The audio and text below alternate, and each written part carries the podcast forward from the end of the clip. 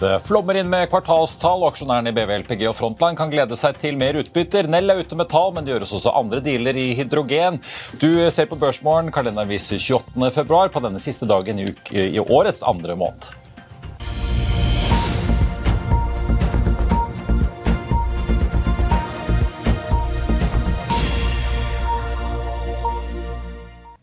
En riktig god morgen alle sammen, og velkommen til oss her i Børsmorgen. Mitt navn er Marius Thorensen, og med meg har jeg aksjekommentator Karl Johan Målnes. Vi har straks med oss han som stakk av med prisen for å være årets beste analytiker i Kapitals kåring i fjor. ABGs Bengt Jonassen er straks med oss. På kalenderen i dag, Paretos kraft- og fornybarkonferanse skjer nede på Reidsenhotellet på Holbergs plass. og Det er som jeg var inne på, en lang liste med kvartalstall i dag eh, som vi kan kaste oss over. Vi skal prøve å ta unna det vi rekker, i hvert fall. Innen alt fra shipping, hydrogen, luftfart og mye mye, mye mer. Selskaper som Nell, Frontline, Golden Ocean og MPC og Avans Gass er blant de som er ute med tallene sine. Wall Street mistet litt fart utover dagen i går, og SMP 500 endte under 4000 poeng. Vi så Dow Jones ende opp 0,2 og er dermed så langt i måneden ned 3,5% SMP 500 opp 0,3 og da ned drøye 2% så langt i februar. Og så har vi da Nasdaq som er ned prosenten så langt i februar, opp da 0,6 i går. Til sammenligning så ser vi jo at mange av de store indeksene i Europa ligger opp 2-3 da så langt. Hovedindeksen her hjemme endte opp nesten 0,9 i går. og I dag kan vi vente en flat start hvis vi skal tro på værvarselet fra Nordnett. DNB venter en svak nedgang på rundt kvart prosenten. I Asia så endte Nikkei-indeksen i Tokyo ganske flatt, mens eh, vi ser i de kinesiske markedene så ligger det også an til en lignende utvikling. Nordsjøoljen litt opp i dag, ligger nå på 82,70 i spotmarkedet for nordsjøoljen brent. VTI den amerikanske lettoljen på 76,40. 40. På nyheter som er verdt å få med seg, toppsjefen i nettverks- og cybersikkerhetsselskapet Napatec går av. I en melding eh, sendt i går kveld så annonserte selskapet at eh, Ray Smets altså slutter etter fem år som sjef for å sitat, følge andre muligheter. Det er uklart om han ønsket å gå av eller ble bedt om å gå. Driftsdirektør Henrik Brill Jensen skal i hvert fall fungere med umiddelbar virkning. Og styreleder Lars Boilesen og resten av styret er nå i gang med jakten etter en eh, ny sjef. Boilesen, som jo for øvrig er sjef da i Otello, tidligere kjent som Opera. Eh, ønsker han i hvert fall lykke til videre. Aksjen så langt i år ned i hvert fall 16% så får vi se hvordan det går videre i dag. To shippingnyheter som er verdt å få med seg. Gassfraktrederiet BV LPG ute med tall og en ny utbyttepolitikk nå på morgenen. Bruttodriftsresultat endte på 139 millioner dollar, noe under forventning på 1,61. Nå sier de at de skal betale ut hele sitt resultat etter skatt så lenge de har en gjeldsgrad under 20% Endte fjerde kvartal på 24, så litt grann å gå på. Det blir likevel da 52 dollar sendt i utbytte for fjerde kvartal. Langt over nivåene vi så da i fjor eh, tidligere, på rundt, eller mellom da 31 og 20 dollar sendt uh, aksjen. Og så var det likevel ventet enda høyere utbytte for BVLP RPG får vi eh, ta med. Selskapet skriver også at de da har kjøpt tilbake aksjer for 35 millioner dollar så langt i programmet sitt, og at de er optimistiske for 2023, selv om de også ser høy volatilitet i markedet, med stor gasseksport da fra både USA og Midtøsten. Til slutt, Frontline avventet jo sine utbytter i forbindelse med Euronav-fusjonen, som foreløpig da er lagt på is. Nå skal det komme utbytter til aksjonærene, 30 dollar sendt for tredje kvartal og 77 for fjerde kvartal. Resultatet på driften endte på 246 millioner dollar i fjerde kvartal, mot ventet da 260. Karl Johan, vi får uh, også kaste oss over uh, hydrogennyhetene. for Det kommer masse andre ja. kvartalstall også, men skal vi begynne med Nell? Uh, Everfuel først. For det, Everfuel først, det mest, for det var dealen vi snakket om. Ja, det er mest spesielt, fordi at market capen til Everfuel er 3,4 milliard. Og så har de nå inngått en joint venture med et hydrogenkonsortium. De skal investere 2,2 milliarder kroner for å bygge grønn hydrogeninfrastruktur i Norge. Skal bygge 1 gigawatt anlegg. Da. Og Den mest eh, fornuftige måten å bygge hydrogen på, er jo å tappe strøm når den er gratis. Og det har jo ikke det vært for mye av i det siste året. Uh, men, det, men, det, er jo tydelig at det er noen som har tro på dette. Da. og det, har, det, får jo ingen effekt på kort sikt. og Vi får jo nedgangskonjunktur uansett, så man må ikke kjøpe aksjene. Men det blir litt sånn når du drev og bygde ut fiber på, bak, på bakenden av TMT-bobla. så Fiberen kom jo, og fiberselskapene ble jo store. så det, Man har jo vært bekymra om Everfuel skulle ha en helt døv businessmodell. og det er tydelig at det er noen som eh, ikke tror det. Vi må finne ut hvor disse pengene kommer fra, for hva et joint venture betyr. og Det er naturlig at dette blir en kommentar som kommer i morgendagens avis. Da, for det, og, og CEO Everfuel var jo tidligere CEO for fyllestasjonene som Nell kjøpte, som de nå har tatt nedskrivning på. da. Ja. Ja, og 29 analytikere følger Nell, eh, og massiv ordrebok der også.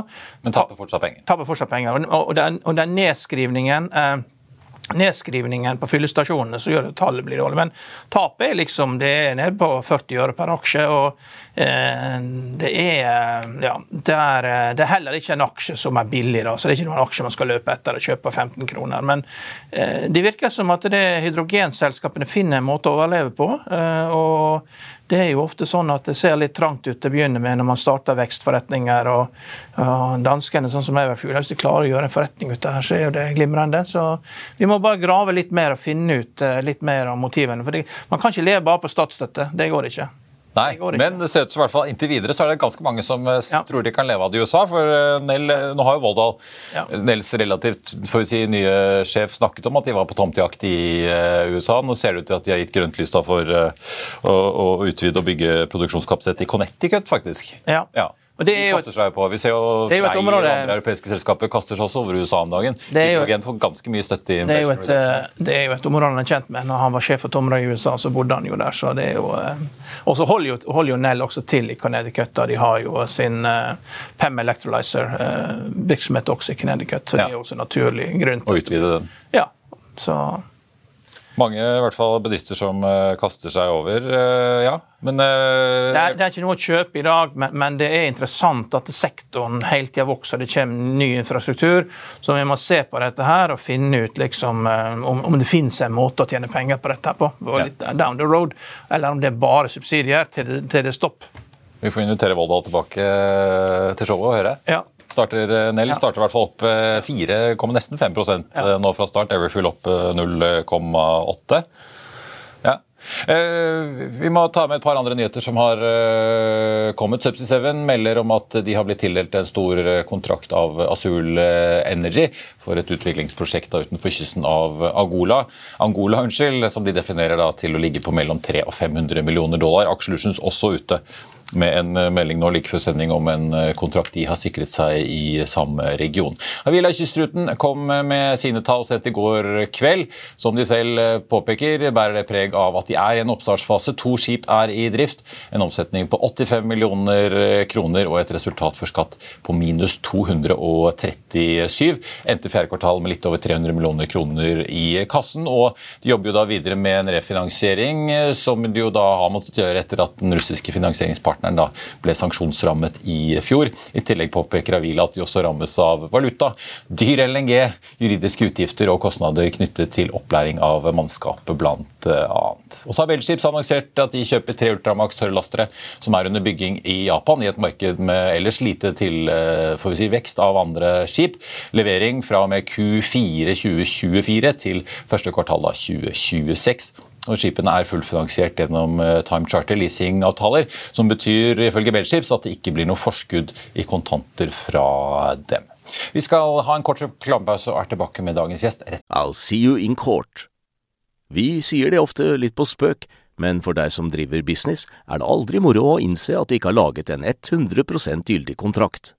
Du bør ikke risikere hele firmaet ditt fordi du synes dette med kontrakter er litt stress. En avtale er ikke en avtale. Du kan miste kunder, miste venner, ja, til og med miste inntekter om du ikke lager en skikkelig kontrakt, på alt mulig, egentlig. Men vi vet det er et styr, kopimaskiner, treg printer og haugevis av papir. Dessuten stoler vi jo på folk her i landet. Det er ofte litt kleint å skulle be om en signatur for alt mulig, ja, for mye av styret handler også om jakten på underskriften. Det finnes en enkel måte å løse dette på, Dukkobit. En trygg, effektiv og get this, gratis måte å sikre seg en god natts søvn pluss en juridisk bindende avtale. Dukkobit-appen har de strengeste sikkerhetskrav i bunn, samt en EU-godkjent og sertifisert teknologi. Framover vil det bli behagelig å spørre du, skal vi skrive under på det, eller? Kom i gang på dukkobit.no. Dette, dette. Da skal vi ønske velkommen til eh, dagens gjest. God morgen og velkommen, Bent Jonassen i ABG. Takk skal Du ha. Jeg tenkte, eh, Du dekker jo et bredt spekter av selskaper fra industri eh, til eiendom og bygg og anlegg. Mye forskjellig. Kanskje vi skal begynne. Jeg, et selskap jeg syns er litt interessant som dekker, Self Storage Group. Ja. mini, OK minilager, City minilager, som mange kjenner de som på gaten, Ja. har jo vært på børs noen år.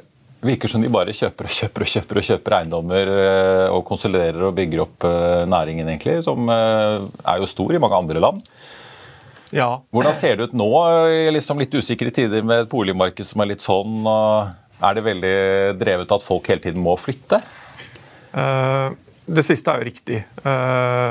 Og så må man jo se på grunner til at folk flytter. Noen flytter fri- fri- frivillig, og noen flytter fordi de må. Om du ønsker å studere et annet sted, eller du skiller deg, eller gifter deg, eller jeg skal si livshendelser. Da. Det bør være rimelig konstant, tenker vi. Og så har vi fått en ny, eh, ganske sterk befolkningsvekst, som kommer til å gi økt flyttebehov. Eh, Men sånn enkelt sagt, dette er jo et selskap som kom på børs som du sier, for noen år siden. Eh, har hatt en tydelig strategi om å bygge opp eide lagre. Eh, når de kom på børs, så hadde de kanskje 10 000 kvadratmeter selv, og så leaset de 70 000-80 000. Nå er det snudd opp ned. Nå leaser de 75 og så eier de 110 000. Så de har på en måte brukt sin egen kontantstrøm og børsen som eh, å kunne hente inn kapital for å kunne vokse. Eh, og som en eier av Self Storage Group, da, eh, når man sammenligner eiendomssegmenter så Hvis vi tar f.eks. ene og så sier du at du skal kjøpe deg en eiendom nede i CBD på Aker Brygge f.eks., så sier vel konsensus nå at da betaler du 4 yield. Eh, Sist jeg sjekket, så var vel swap-renten på femåring nesten 4% så det er ikke så veldig mye å gå på på der, eh, sånn kontantstrømmessig. Eh, mens kjøpesenteret er kanskje 5,2. Eh, industribygg som KMC holder på med, er kanskje 7-8. Eh, City eller Self Storage de reinvesterer kapitalen på mellom 10 og 12. Så de har mye å gå på. Så 10-12 yield on cost i vår verden, selv om renten har kommet opp, er jo helt fantastisk. Ja. Um, og nå har de en fri kontantstrøm uh, på pluss 100 millioner. Og de kommer til å ha et investeringskapasitet på ytterligere 20 000 kvadratmeter i året på egen kjøl. Med da allerede veldig lav loan to value. Um, så selskapet er i en måte en posisjon hvor de kontrollerer sin egen hverdag, egentlig. Og så er det jo etterspørselen, da. Som du er litt inne på, kan vi se for oss at etterspørselen svekker seg. Eh, Det har man egentlig ikke fått testet helt, tror jeg, enda. Eh, Dette er jo et ganske nytt produkt i det norske markedet. Litt ukjent produkt. Det er underpenetrert. altså Hvis man ser på penetrasjonen Norge kontra Danmark-Sverige, så burde du hatt 50% mer lagerlokaler i Norge. Såpass, ja. Ja. Eh, Men det har du ikke. Eh, eh, så- Vi, så- er for, eller vi har for mange garasjer og boder og sånn i Norge, kanskje? det, Ja. Kanskje. Det, det har sikkert noe med geografi og uh, topografi å gjøre. Men, men, men uansett altså, så har du i hvert fall et selskap som har tatt en soleklar nummer én-posisjon. Og det som skjer i markedet, det vil jo påvirke de. Hvis vi ser på kall det fyllingsgraden deres, da, så er den ned fra covid-nivåer. Da ryddet folk i alle tomme rom og måtte sette opp hjemmekontor og fikk da behov for ekstern lagringskapasitet. Den trenden har sikkert gått litt tilbake. Eh, Men de har åpnet veldig mange nye, store lokaler. eh, Og da ser fyllingsgraden lav ut, men det er egentlig i en periode hvor du driver og fyller lokalene. Ja. Eh, Så fyllingsgraden nå er 89% De ønsker å ha eh, 90 Eh, Og 90 eh, bør de egentlig ikke være over. Da selger de produktet sitt for billig. Eh, 90 fordi at eh, det er endringsbehov hos kunder. Du må hele tiden ha litt Du fleksibilitet. må alltid ha ledig. Eh, De må alltid ha litt ledig? Ja, I tilfelle det kommer en kunde som, som trenger litt mer, og hvis vi ikke har noe til tilby, så får kunden en dårlig kundeopplevelse. Ja. Ja. 100% digitalisert business, ekstremt lave kostnader. Eh, Men har du den der kulturen sånn som man ser i en del andre land, hvor folk bare har disse lagrene? Som en sånn eh, ekstra så Litt apropos det man du da sier folk gjorde under pandemien, men eh, kan vi liksom se en kulturendring som også gir en slags sånn strukturell endring for den bransjen? Kanskje det er lov å håpe, men tar du på en måte historikken, så er det som, tar du kundebasen, så er det 80% private og 20% bedrifter. Og gjennomsnittlig leieperiode er 12 måneder.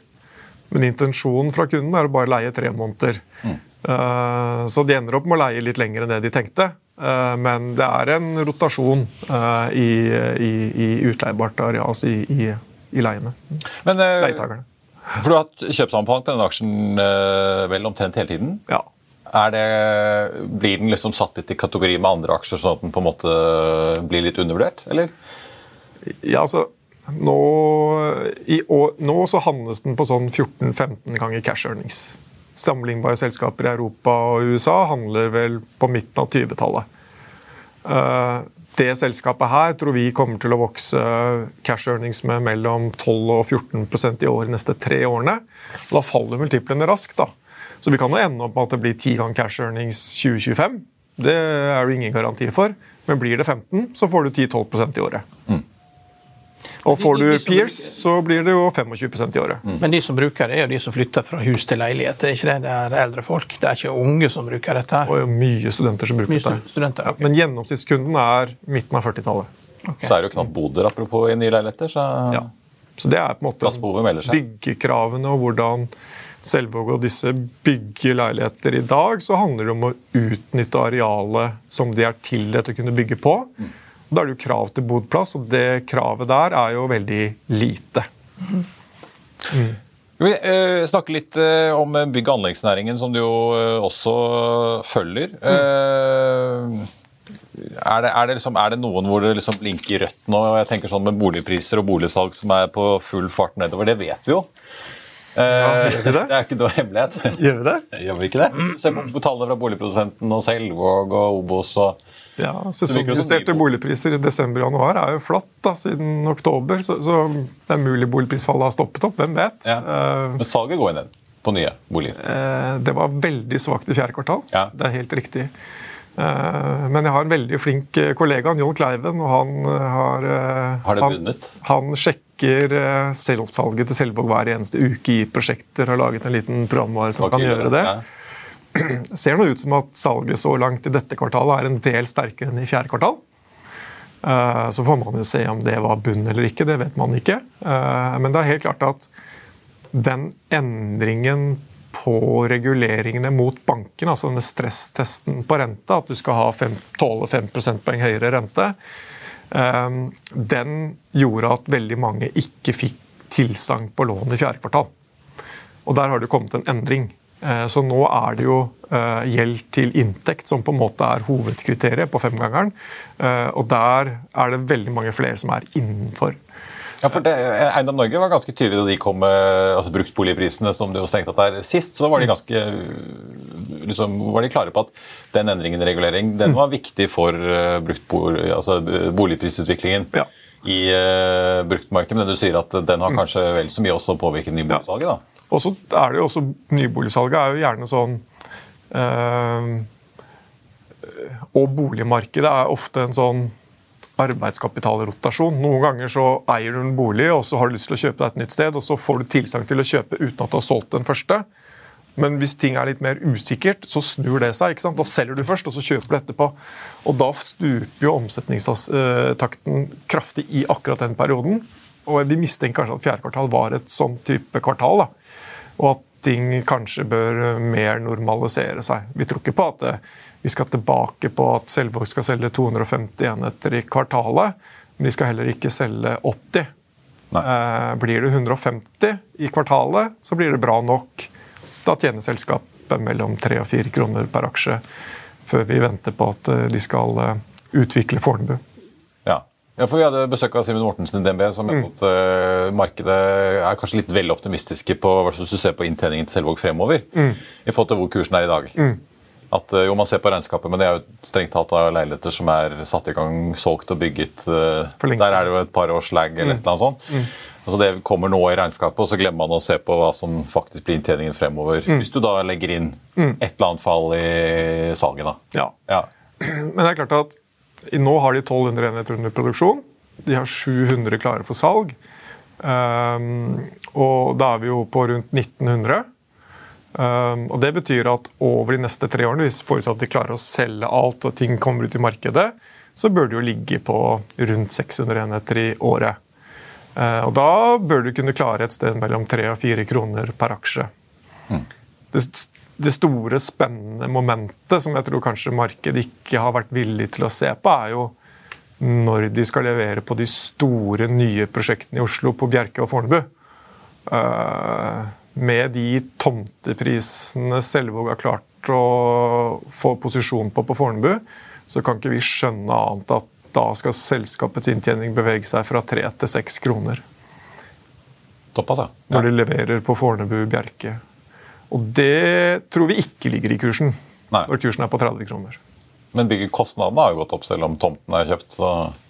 Ja, men uh, hvis du har en tomtekost på Når de kjøper fra Urban Property, så har de tomtekost på 28. På Fornebu kanskje er nede på 10-15.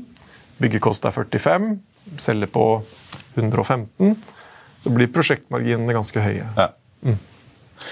Skal vi uh, snakke litt om, fordi Du følger Hydro Yara òg. Det stemmer. Ja. Skal vi snakke litt om gjødsel og uh, aluminium? To uh, selskaper som har fått pent kjørt seg på hver sin måte, egentlig. Hydro har jo, hadde jo et veldig løft i aluminiumsprisen, og så begynte vel, var det vel på våren i fjor at det begynte å gå nedover fra toppen. Eh, Yara fikk jo en kjempesmell med gassprisene, men så virket det som de klarte å hente igjen med god margin i gjødselprisene ut i markedet i andre enden. Så tallene så jo egentlig ut til at de klarte seg ganske bra.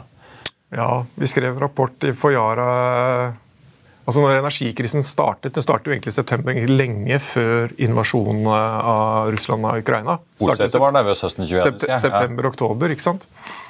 Og da skrev vi, og vi har en veldig enkel prisingsmodell for gjødsel, som bare basically sier at eh, marginalkostnaden må operere.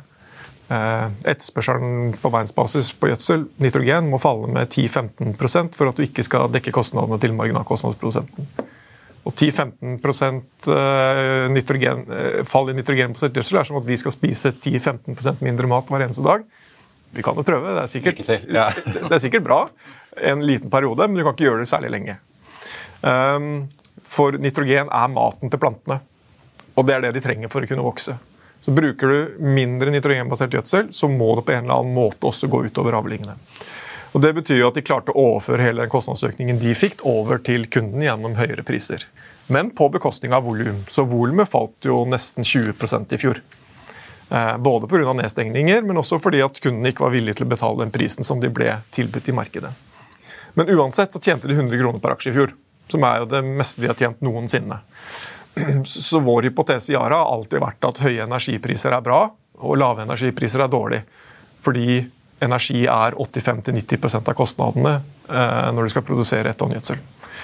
Um, og eh, når de da tjente 100 kroner og, og deler ut ja, 65% av det, så blir jo direkteavkastningen til eierne ganske bra når kursen er nå 480 kroner. Da eh, får du et veldig hyggelig utbytte her til, her til våren. Veien videre er jo litt vanskeligere. Eh, tipper at de kommer til å tjene en del mindre i 2023 kontra 2022.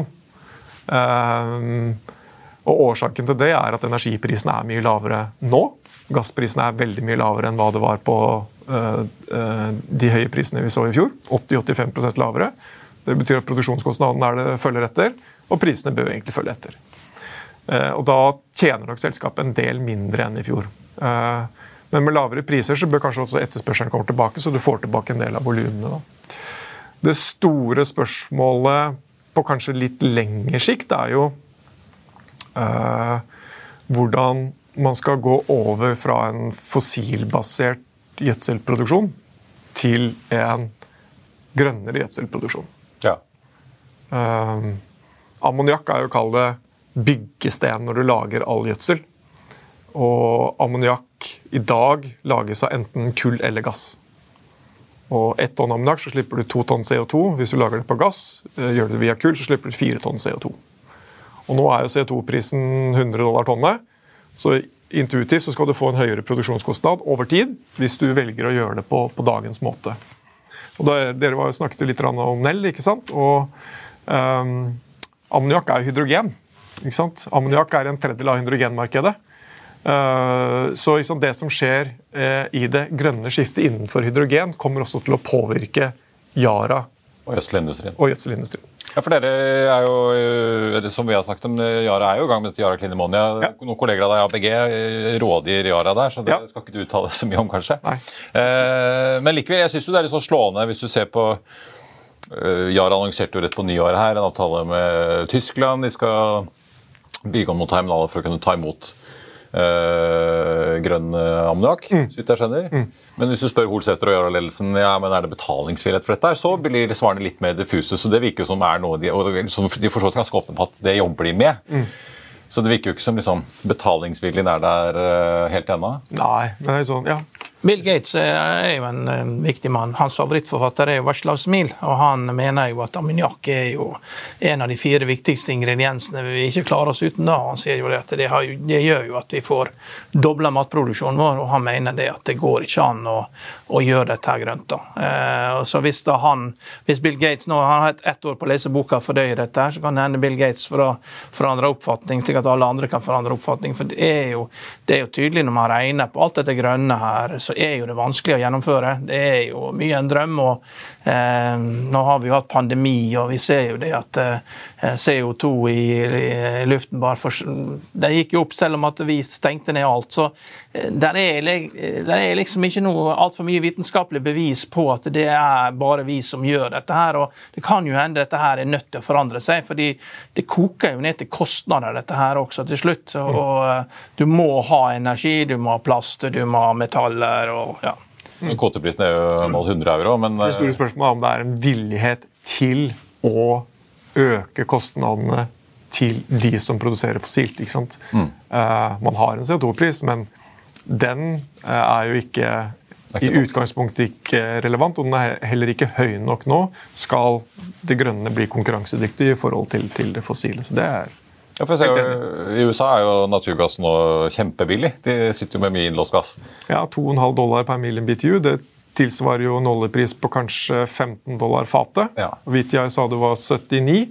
Eh, Så liksom det er ganske stor prisforskjell. Eh, Er det et problem for Yara? Altså, de er jo i USA, men de er jo mye større i Europa. hvor jo, De har jo sett at Yara og andre aktører har kuttet ned på produksjonskapasiteten Ja, sånn, ja. på grunn av dyr gass tidligere. Ja, gjør man det veldig enkelt, så er det klart at det å sitte høyest på kontantkostkurven i en commodity-industri, det er ikke der det vil sitte. Nei.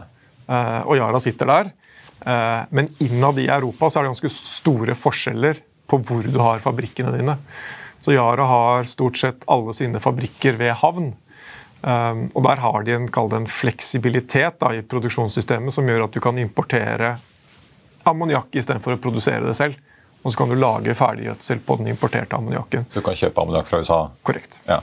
Hva, hva har eh, produksjonen av kunstgjødsel i Øst-Europa å gjøre med prisen i Europa nå? Ingenting? Eller Hviterussland er jo, har jo vært en stor produsent. Har det ingenting å si at de liksom blir stengt bort ute?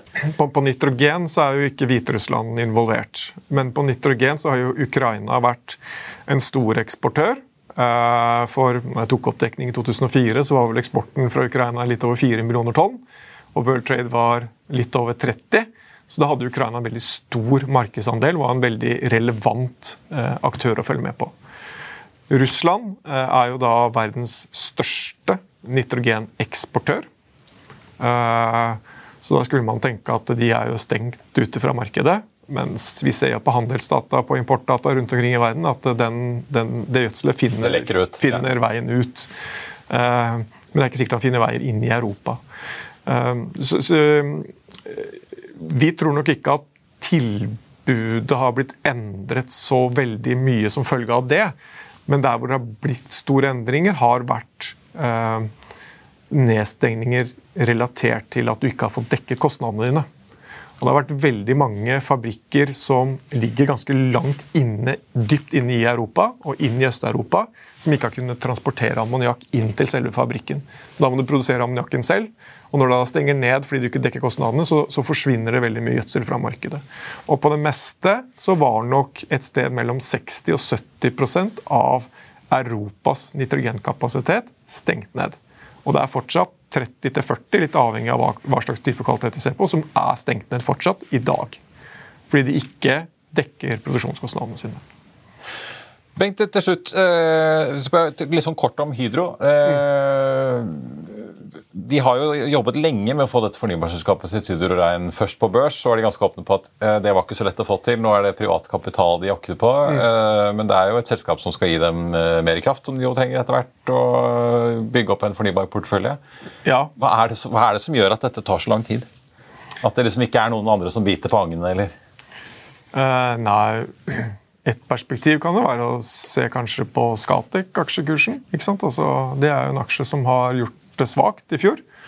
Uh, og ser man på hva man investerer i forhold til totalkapital i forhold til rentekostnader, så er ikke det et regnestykke som åpenbart er fantastisk bra. Fra Hydro sitt perspektiv så uh, er jo dette kanskje først og fremst for å Eh, være i forkant for å erstatte utløp av eksisterende energikontrakter. Så de har jo energikontrakter I Norge så er det jo dekket fram til 2030. Og i utenlandske fabrikker så, så utløper energikontrakter fortløpende. Startet jo i fjor med, med Slobalco, som velges å bli stengt ned. Man fikk ikke en fornuftig energikontrakt. Men da etablerer Hydro Rein, så kan man få da fornybar energi inn til da smeltere som eh, Eh, hvor energikontrakten løper ut. Og Den første er jo Albras i Brasil, sant, som de eier 50, ja, litt over 50 av. Mm. Mm. Og De største prosjektene som de holder på med innenfor hydrogen, ligger jo da nettopp i Brasil. Ja. Mm. Det blir jo litt det samme som av Clean Ammonia. Så hvis du går ut og ber markedet om penger, og du sjøl ikke vil investere i det, så lurer jo alle da på hvorfor det, når du har mye penger sjøl. Og det andre alternativet da er jo, hvis at det du gjør dette er opportunistisk, da så Hydro er ikke det selskapet som kan uh, hente dette opp en veldig høy multiple og så bare sitte og se på og akseptere at kursen faller med 80% fordi at det er markedet. Sånn gjør man det ikke.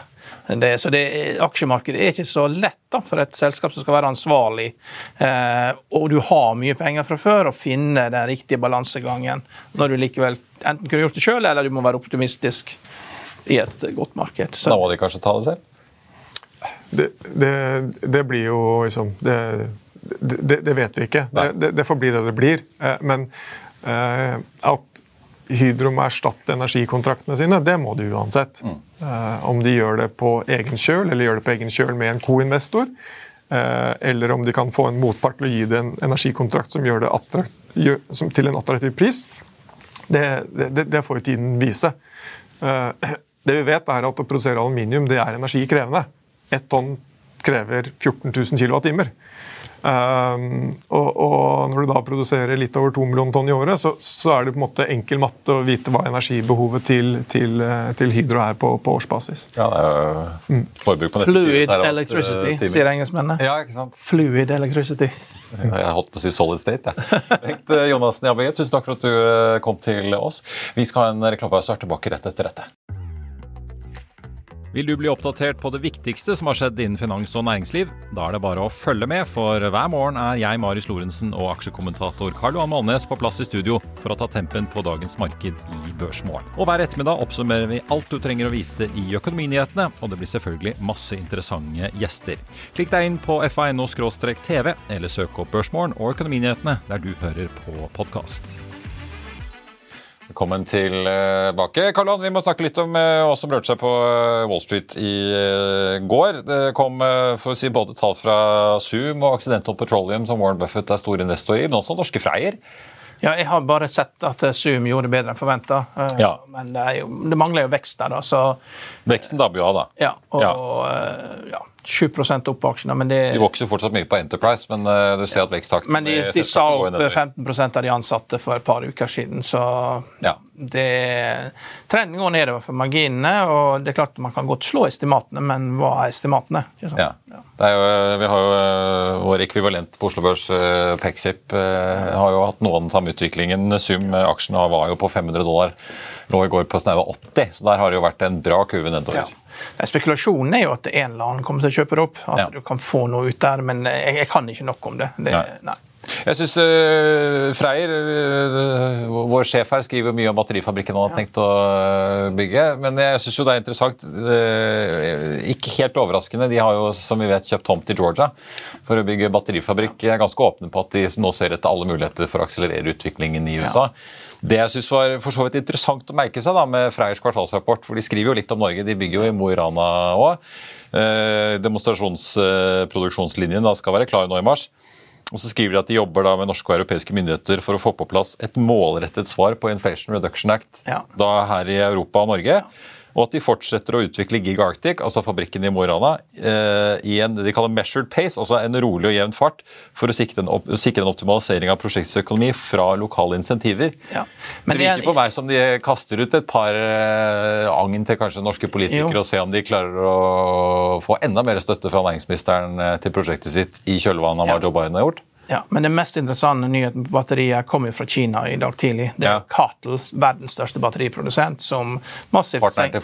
Ja. ja som massivt senker prisen på batterier til alle de kinesiske bilprodusentene fordi de har sikret seg nok litium. Og, og det er eh, silisium er det noe i verden, det er nok litium i verden. og der det er plenty med ressurser. Det er litt vanskelig å konkurrere med kineserne, men det er klart det er jo litt vanskelig. Kan, eh, det er jo det som er litt problemet med alt dette grønne, her, at vi setter i gang masse aktiviteter, og så gjelder det å skille ut da, hva er det som, eh, hva er det som vil overleve dette her når subsidiene går tomme. Men jeg ville aldri konkurrert med kineserne. Det er liksom som å stille i kretsmesterskapet i pingpong i Kina. Du har ikke sjans. Nei. Det er ikke noe lurt. Nei. Det er ikke noe lurt. Og, og, og, og batteriprosent altså Alle disse batteriprosentene, det er bare å gå på Bloomberg og se det er avkastning liksom 3-4-5-6-7% og Det er bare, det er bare asiater som er fornøyd med det. Mm. Det er jo ikke noe, det er ikke noe å tjene penger på, det er en aktivitet. Nei. Det er en hobby.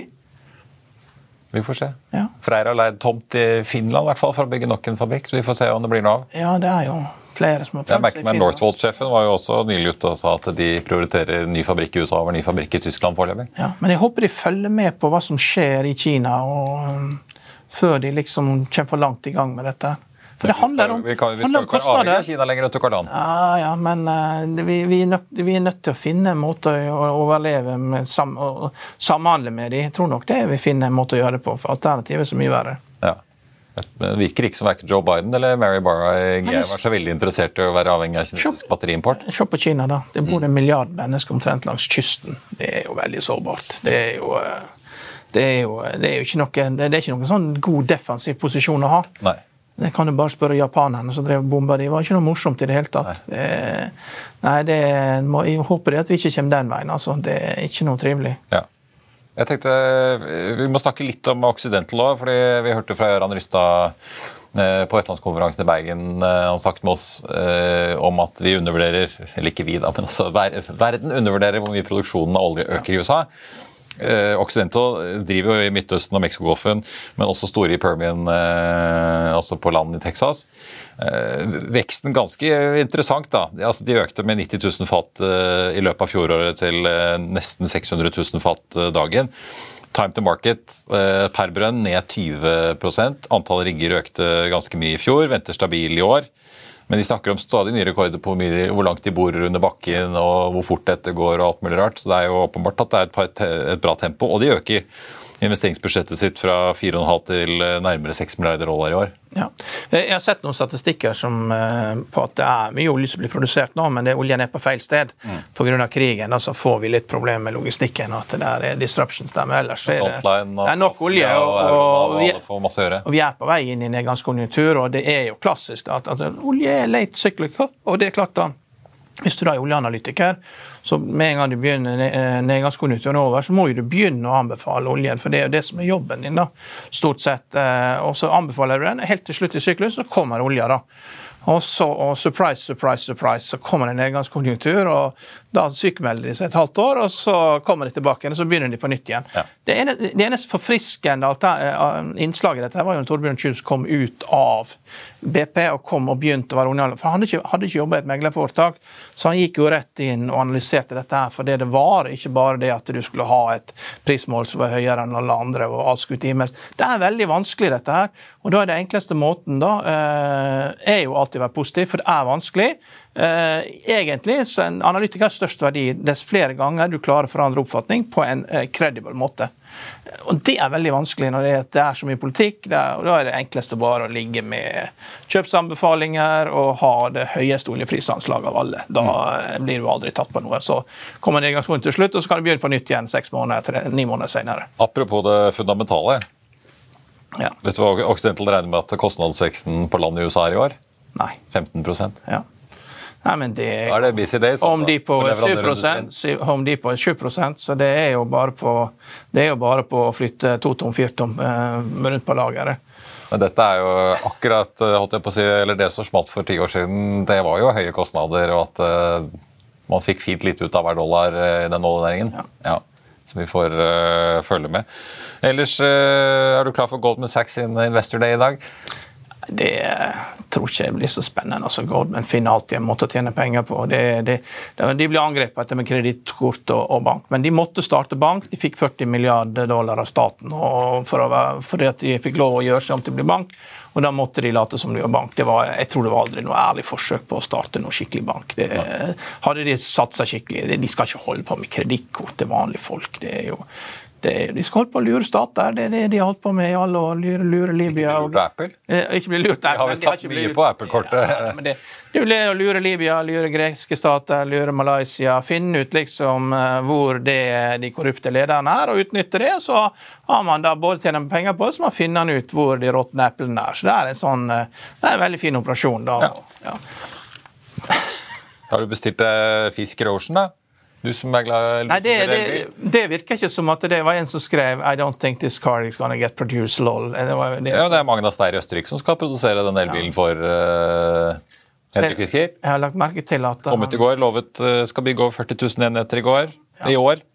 Men Ja. Lucid fant vel også ut at det var, det var ikke kunder nok for dette. her, og Elon Musk han, eh, De produserer selv, da. ja, Elon Musk han sa jo det at det er problemet med fisk er at det blir, big, bilen er ikke bygd av ingeniører. Det er, ikke en, det, er, eh, det er ikke en bil som er bygd liksom sånn en bil skal bygges. Jeg har, ikke- greie på biler. Nå skal jeg til Robert Ness her. Men eh, ja. Men jeg er mer spent på hva Tesla sier eh, på sin kapitalmarkedsdag. og Vi har beskrevet om det i kommentar i dagens avis også. Ja, For det er 1. mars, uh, ikke sant? Ja, I morgen. det er veldig, eh, veldig dyre aksjer. altså Når du handles på 80 og 150 ganger kontantstrøm, så da lever du på lånt tid. Ja. Lever på lånt tid. Det er, eh, og vi, vi kan si det at vi var dumme under TMT-bobla, men dette her er mye verre. altså. Dette her er mye verre. Altså, det, det er 20 over toppen på TMT-bobla. og da, da kan man jo huske en sånn aksje som Sonera som har priset til 100 euro. Ikke sant? Og finske, eh, Goldman Sachs solgte jo da for den finske stat. Her, er er smarte stater. det Ja. finnes smart. De solgte 3% av eh, er. Sonera eh, for 93, dollar, 93 euro per aksje. Og det var mer enn hva de fikk for hele resten av firmaet når de slo det sammen med Telia noen år senere. Så Goldman er veldig flinke til å finne ut hvor de smarte, dumme statene er, og forhandle og, og gjøre forretninger med dem. Og det er en god business. Og heter det bare Telia. Ja. Apropos, jeg tenkte bare for å ta det, Fisker eh, skal jo da lage denne eh, Fisker Ocean i Østerrike. Men de har annonsert en eh, lavprismodell Pair, som altså skal komme etterpå. Den skal bygges i Ohio. Så da får du litt uh, jeg Act-subsidier. Jeg, Jeg har jo skrevet også det her at det var- er snakk om at Tesla skal bygge en liten bil. da, 25 000 til 30 000 dollar da, i Texas. Og Texas er jo prinsippet det at eh, det er jo, alle som har råd til å kjøpe en ny bil, er sånn no small cars og no small dogs. Og da er det litt samme som i Norge. I gamle dager når vi var litt fattigere, så var det noen som heter Modum Mercedes. Ja. Det var Lada, da. Den hadde de på Modum. da. Så det skal du selge billige biler, så må du gå til småsteder. Du, I Texas så kjører man rundt i små biler. Det er, skal du ha Det er genproduserer Tao ja, det er Ford F, liksom start, det er Ford F150. Det er liksom det er liksom minste felles multiklin. Det, sånn, det, må Det for, det må du ha for å kjøre i butikken. ikke sant? Hvis ikke så ser jo folk ned på deg. og, og Det kan ikke komme småbiler. Så da, dette skulle de etablert i Kansas eller noe sånt, og solgt det til folk som jobber i forsikringsbransjen i Cisa Rapid oppe i Ohio, Iowa og sånn. Der. Ja, men Ohio. Ja. Foxconn i Ohio skal Ja, den. Vi får ja, se hvordan det går. Et par andre aksjenyheter på eh, tampen. Eh, Aker BP har jo falt 33% fra toppen, altså oljeselskapet til Aker og Kjell Inge Røkke. Nå har også Åshild Tveitereid kjøpt aksjer for rundt 77 millioner kroner. Det er første gangen på et år at han altså kjøper aksjer i et oljeselskap. Og så har vi jo fått eh, tall fra en rekke selskaper i dag, inkludert Moss og Val ute da med et operasjonelt resultat på nesten 44 millioner kroner, ned fra 88,5 på samme tid i eh, fjor. Som en del andre oppdrettsselskaper så kutter også de slakteguidingen sin for 2023, ned fra drøye 26 til litt over 24 000 tonn. På Oslo-børsen har hovedindeksen opp så vidt 0,1% Nell har falt tilbake etter oppturen vi så fra starten, ligger nå ned drøye 2% Everfuel opp en drøy prosent. Self Source Group, som vi også har snakket om, opp 3,9% i Eh, dag. Eh, får vi si da Med en oljepris som tikker oppover fortsatt, rundt 07-08 da eh, i spotmarkedet i hvert fall, til 82,60. Det var børsmålen for denne 28. februar. Og får vi si da for februar, husk å få med deg Økonominyhetene klokken 14.30. Vi får besøk av Finniers nye europasjef, og det blir mer om Paretos kraftkonferanse. I mellomtiden så får du siste nytt på FA1 og gjennom hele børsdagen. Ha en riktig god dag alle sammen. Vi ses.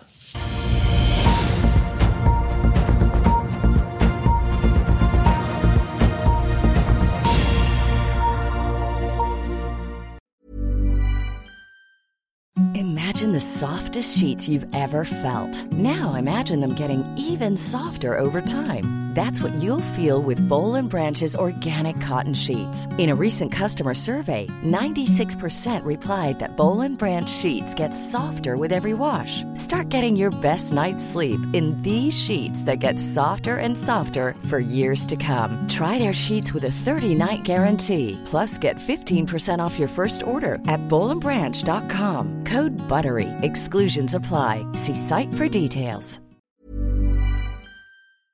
Økonominyhetene er en podkast fra Finansavisen. Programledere er Marius Lorentzen, Stein Ove Haugen og Benedikte Storm Bamvik. Produsenter er Lars Brenden Skram og Bashar Johar. Og ansvarlig redaktør er Trygve Hegnar.